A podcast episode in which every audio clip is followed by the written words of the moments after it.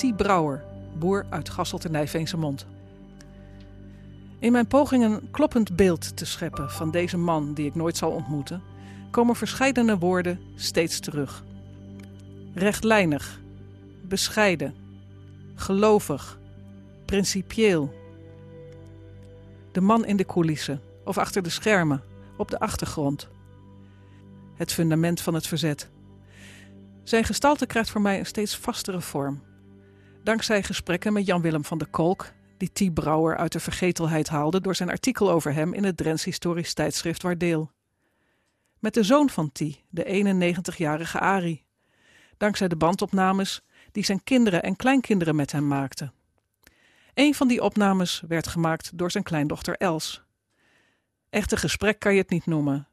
T houdt de regie strak in handen, werkt kennelijk een vooropgestelde lijst met onderwerpen af. Van vroege jeugd tot en met de verzetsjaren. Daar staat in de Bijbel ergens van de spreukendichter, Salomo, die zijn zoon lief heeft, kastijdt hem. Dat is zo. Af en toe heb je een kastijding nodig. Ik weet nog best dat ik wel eens wat voor mijn broek gehad heb, jongens, maar daarna heb ik ook verdiend. En ik denk dan nog wel eens, ik zou het niet leuk gevonden hebben als ik per gevreten had dat mijn vader alleen volstaan zou hebben met jongen, dat mag je niet doen. Dat, mo dat moest natuurlijk ook wel, dat deed hij ook wel. Maar hij liet het gepaard gaan. De roede is nog niet gespaard gebleven. Kleindochter Els luistert vooral. Dit stukje wat we straks gaan beluisteren is eigenlijk de enige interactie die ik kon vinden in de dik anderhalf uur audio. Nou, dan moet ik eens even kijken, Els. Je had je natuurlijk voorgesteld dat het een heel ander verhaal zou worden, waarschijnlijk. Nou, ik vind het heel erg interessant. Ja? Ja. Maar ik denk dat papa ook wil weten, vooral over die, die trouwerij, die uh, ja, nou, zoveeljarig huwelijk. Dat ja. komt dan. Ja. 25 jaar. 25 jaar. Ja. Maar ik vind dit ook allemaal interessant hoor, heel erg zelfs. Ja, hier is natuurlijk veel meer over te zeggen. Ja. En vooral in verband met de geestelijke ontwikkeling die wij vandaag beleven. Hè. Het is vandaag, je, je vindt het overal. Je vindt het in de politiek. De antirevolutionaire partij, dat is een zaakje, een huis dat tegen zichzelf verdeeld is. Onze kerkelijke samenleving die dreigt zichzelf om hals te brengen door onderlinge verschillen en loslating van datgene wat onder ons vast moet staan. En altijd vastgestaan heeft. Het is min of meer een, ja, een soort eenheidsgolf komt er over ons. En eenheid is natuurlijk een uiterst belangrijk ding. Eenheid, dat leert de Bijbel ons ook. En dat leert Christus ons ook. Eén Heer, één doop, één geloof. Ik ontmoet Els in Stadskanaal. Zij heeft haar vader Ari in de auto meegenomen, omdat ik hem graag wilde spreken. Een mooie gelegenheid om haar naar die bandopnames te vragen. Uh, in 1979, toen ik hem interviewde, toen zat ik op de PA, opleiding voor uh, onderwijzer, deed ik. En uh, dan moest je werkstukken maken. En ik dacht, hé, hey, de oorlog. Ja, van mijn vader had ik wel gehoord dat mijn opa daar het een en ander had meegemaakt. Maar ja, ik wist de verhalen ook niet. Hij wist het ook niet veel over, behalve iets met dagblad Trouw. En toen dacht ik, nou, weet je wat, misschien kan ik hem interviewen.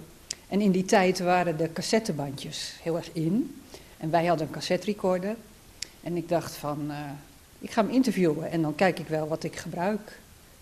En toen pas veel later, ik denk pas uh, nou, een jaar of tien, twaalf geleden, toen uh, die cassettebandjes weer outdated waren, hè, toen dacht ik, hé, hey, misschien verstandig om dat, ja, in het Engels zeg je transcribe, hè, om het op schrift te, te, krijgen. Ja. Dus toen heb ik de bandjes helemaal afgeluisterd en tegelijk getypt wat er gezegd werd.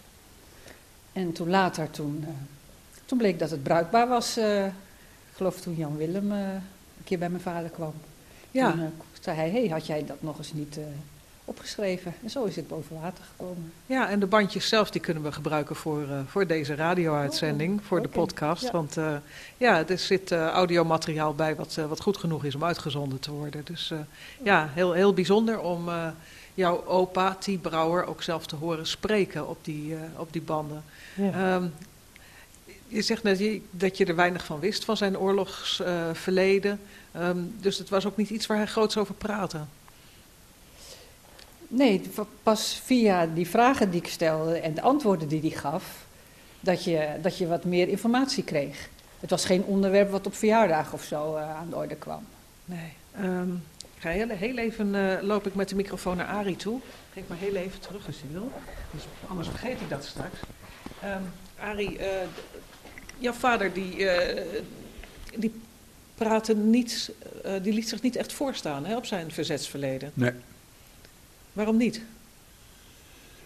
Ja, hij vond het gewoon eh, dat hij zijn plicht deed. En eh, ja, ik denk dat dat de reden was. Het was zijn christenplicht en daar hoefde Ja, hij... zijn plicht en, voor, voor de naasten zorgen. Ja, ja. En zeker voor de Joden. Daar heeft hij, hij heeft ook nog aardig wat Joden ondergebracht. Dat soort dingen. eh, ja, het kwam uit zijn geloof voort. Jan-Willem van der Kolk, leg eens uit voor mensen die misschien niet zo in elkaar steken. Nou, Waarom deed ik- je dat niet? Van mijn grootmoeder weet ik heel erg duidelijk dat zij het woordje trots eh, niet passend vond. Trots, dat was je niet. Hè, zeker niet op jezelf, dat behoorde je niet zo te zijn. Je hoorde dienstbaar te zijn aan de samenleving en je lot ook in stilte te gedragen. En prat gaan op wat je in de oorlog deed, dat was niet aan de orde. Dat deed je gewoon niet. Je deed dat vanuit je christenplicht. Dus vanuit een soort van dienstbare positie. En eigen, eigen roem stinkt. Klopt, dus ook een zekere bescheidenheid. En dat is wel ook wat die Brouwer ook wel kenschetst. Hij was eh, nadrukkelijk aanwezig binnen het openbaar bestuur, maar hij was ook graag iemand die in de luwte zat. Dus adviezen gaf. Een baken was in de storm, zoals ik het noem in het verhaal. Nou, dat- in ons gezin is nooit over, meer over de oorlog gesproken. Pas, pas sinds, ja, toen we met die bandjes begonnen. eh, en toen mijn vader in Canada was, toen hij bij zijn neven en nichten en bij zijn broers, toen is hij wel gaan vertellen. Ja, maar dat komt denk ik door de sfeer meer, of door, ja, ik weet het niet waardoor. Hij heeft in ons gezin eigenlijk daar nooit over gepraat, eh, behalve dan toen, toen, het begon. We waren er nooit mee bezig eigenlijk. Hè? Nederland moest weer opgebouwd worden. Dat lag ver achter ons. Nou, dat was bij hem denk ik ook du- duidelijk het geval. Ja, hij was natuurlijk een politieke figuur die eh, de zaak weer eh, in orde wilde hebben. Dat hij de dingen regelde. En dan ben je niet altijd met het verleden bezig natuurlijk. Ja, dat heb ik mijn vader wel eens horen zeggen. Toen we het erover hadden van hoe komt dat we dat, dat we dat niet eerder gehoord hebben. Of dat er eerder niet over gesproken werd. Het was gewoon geen gespreksonderwerp. Ben je, ben je eigenlijk trots op je opa? Ja, moet ik daar nou over zeggen? Ja. Eh, Maar ja, het is ook een man die de top van het verzet eh, sprak en adviseerde over eh, aanstaande acties. Het was niet niks. nee, ik vind het wel heel knap eh, dat hij niet bang was. Of tenminste dat hij zich, dat hij de angst niet de bovenhand liet, boven zijn principes. Dat vind daar heb ik wel waardering voor. Ik zou denk ik bang zijn geweest. in die tijd, in zo'n tijd. En dat hij heel duidelijk wist wat hij moest doen. Ik denk dat ik veel, eh, veel meer zou twijfelen van ja, wat is het goede om te doen. Maar uit de verhalen lijkt het, hij wist wat hij moest doen. Jan-Willem, dit artikel wat je eh, nu voor eh, Waardeel hebt geschreven, eigenlijk valt er over deze man zoveel te vertellen. Eh, waarom, waarom is het geen boek? Ja, ik ben geen boekenschrijver. Ik ben, eh, dat zou je wel kunnen, ik zou er een boek over kunnen schrijven. Sowieso over de hele familie want, en over die geformeerde zuil. Als je kijkt naar de verbanden die er allemaal liggen, die Arie Brouwer ook beschreven heeft. Nou, hij was dus bevriend met Johannes Post. Eh, de gebroeders Post zijn heel erg bekend. Ze kwamen ook bij elkaar op de vloer. Jan Smadderbroek is ook een historisch iemand toch, eh, die het nodig heeft meegemaakt. Uiteindelijk ook minister van Binnenlands- Binnenlandse Zaken is geworden. Nadat hij ook verantwoordelijk was voor de oprichting van de Dagblad Trouw.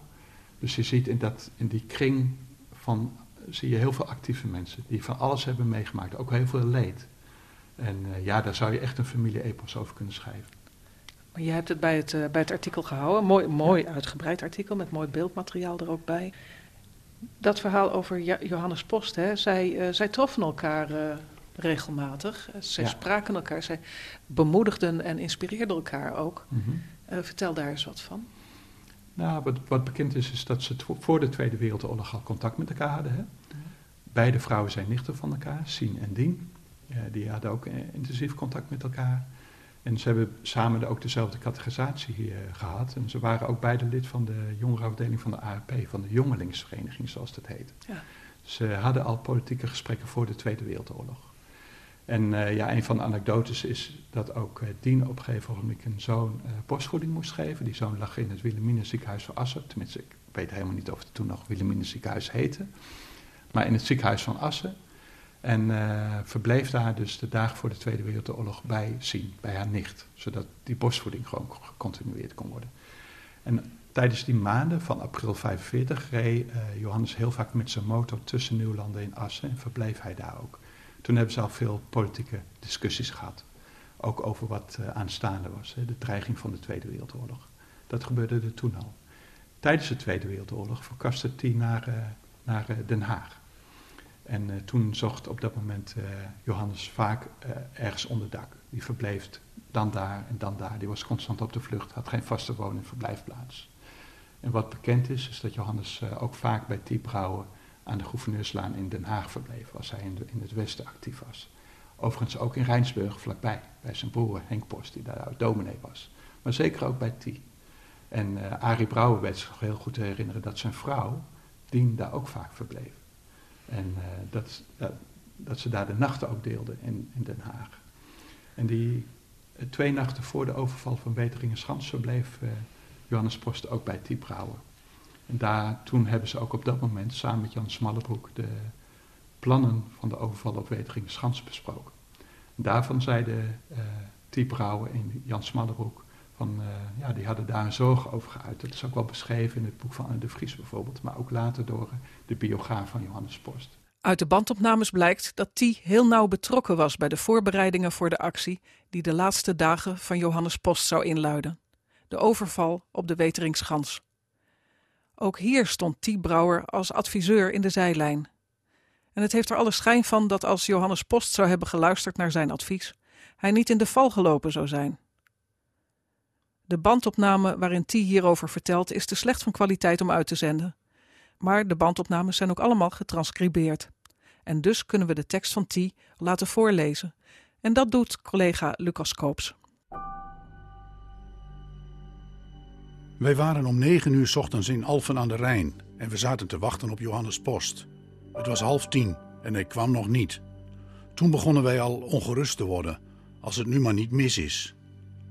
Toen zijn we zondags van Amsterdam naar Rijnsburg gefietst, waar een broer van Johannes Post woonde, die daar dominee was. Wanneer je toegang wilde hebben bij dominee Post, dan moest je je eerst vervoegen bij de koster. Dan moest je een wachtwoord geven om binnen te komen. Wanneer je het wachtwoord niet wist, kwam je niet binnen. We kwamen binnen.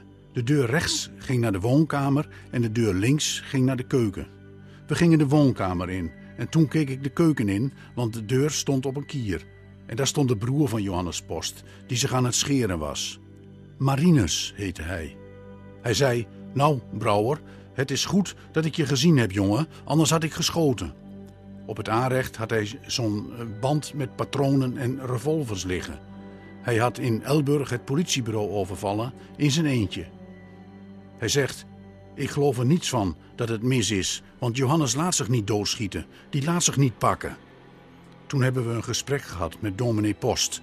Hij zegt: Die jongens moeten vrij. Daar moeten we Londen bij hebben. We moeten iets doen, anders loopt het mis. Maar ja, dat was niet bereikbaar, hè?